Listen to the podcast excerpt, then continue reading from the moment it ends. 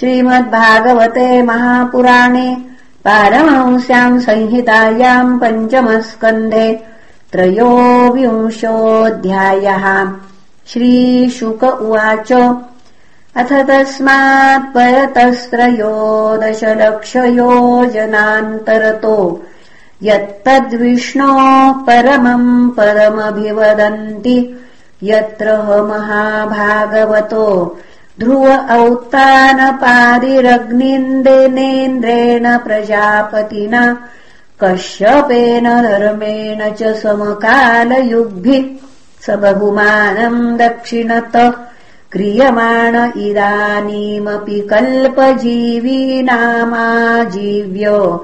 उपास्ते तस्येहानुभाव उपवर्णितः स हि सर्वेषाम् ज्योतिर्गणानाम् ग्रहनक्षत्रादीनामतिमिषेणा व्यक्तरंहसा भगवता कालेन भ्राम्यमाणानाम् स्थाणुरिवावष्टम्भ ईश्वरेण वीतो। शश्वदवभासते।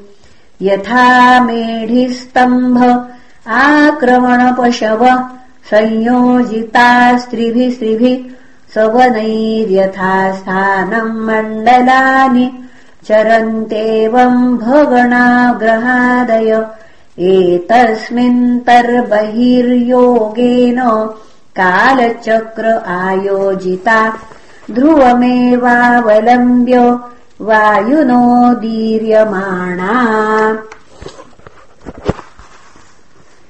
आकल्पान्तम् परिचङ्क्रमन्ति। नभसि यथा मेघाः शेनादयो वायुवशाः। कर्मसारथय परिवर्तन्ते एवम् ज्योतिर्गणाः प्रकृतिपुरुषसंयोगानुगृहीताः।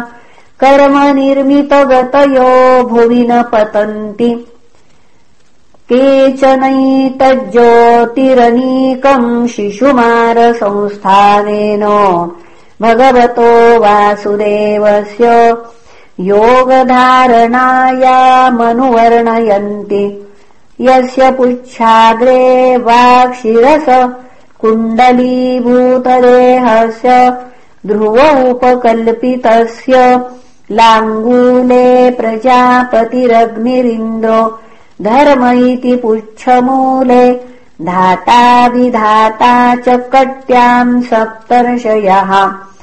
तस्य दक्षिणावर्तकुण्डलीभूतशरीरस्य यान्युदगयानानि दक्षिणपार्श्वे तु नक्षत्राण्युपकल्पयन्ति दक्षिणायनानि तु सव्ये यथा शिशुमारस्य कुण्डलाभोगसन्निवेशस्य पार्श्वयोरुभयोरप्यवयवाः समसङ्ख्या भवन्ति।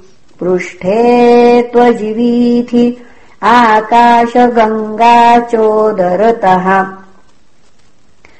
पुनर्वसुपुष्यौ दक्षिणवामयोः श्रोण्योरार्द्राश्लेषे च दक्षिणवामयोः पश्चिमयोः पादयोरभिजिदुत्तराषाढे दक्षिणवामयोर्नासिक योर्यथा सङ्ख्यम् श्रवणपूर्वाषाढे दक्षिणवामयोर्लोचन योर्धनिष्ठा मूलम् च दक्षिणवामयोः कर्णयोर्मघादिन्यष्ट नक्षत्राणि दक्षिणायनानि वामपार्श्वम् कृषु युञ्जीत तथैव मृगशीर्षादिन्युदगयानानि दक्षिणपार्श्ववम् कृषु प्रातिलोमेन प्रयुञ्जीत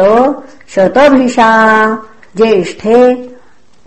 स्कन्धयो दक्षिणवामयोर्न्यसेत् उत्तराहनावगस्तिरधराहनौ यमो मुखेषु चाङ्गारक शनैश्चर उपस्थे।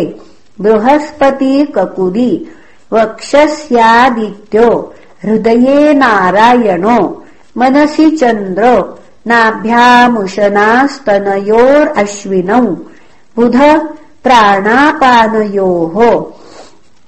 राहुर्गले केतवः। सर्वाङ्गेषु रोमसु सर्वे तारागणाः। एतदुहैव भगवतो विष्णोः सर्वदेवतामयम्। रूपमहरः सन्ध्यायाम्। प्रयतो वाग्यतो निरीक्षमाण उपतिष्ठेत नमो ज्योतिर्लोकाय कालायनाया निमिषाम् पतये महापुरुषायाभिधीमहीति ग्रहर्क्षतारामयमाधिदैविकम् पापापहम् मन्त्रकृताम् त्रिकालम् नमस्यत्यस्मरतो वा त्रिकालम् नश्येतत्तत्कालजमाशु पापम् इति श्रीमद्भागवते महापुराणे पारमहंस्याम् संहितायाम् पञ्चमस्कन्धे शिशुमारसंस्थावर्णनम् नाम त्रयोविंशोऽध्यायः।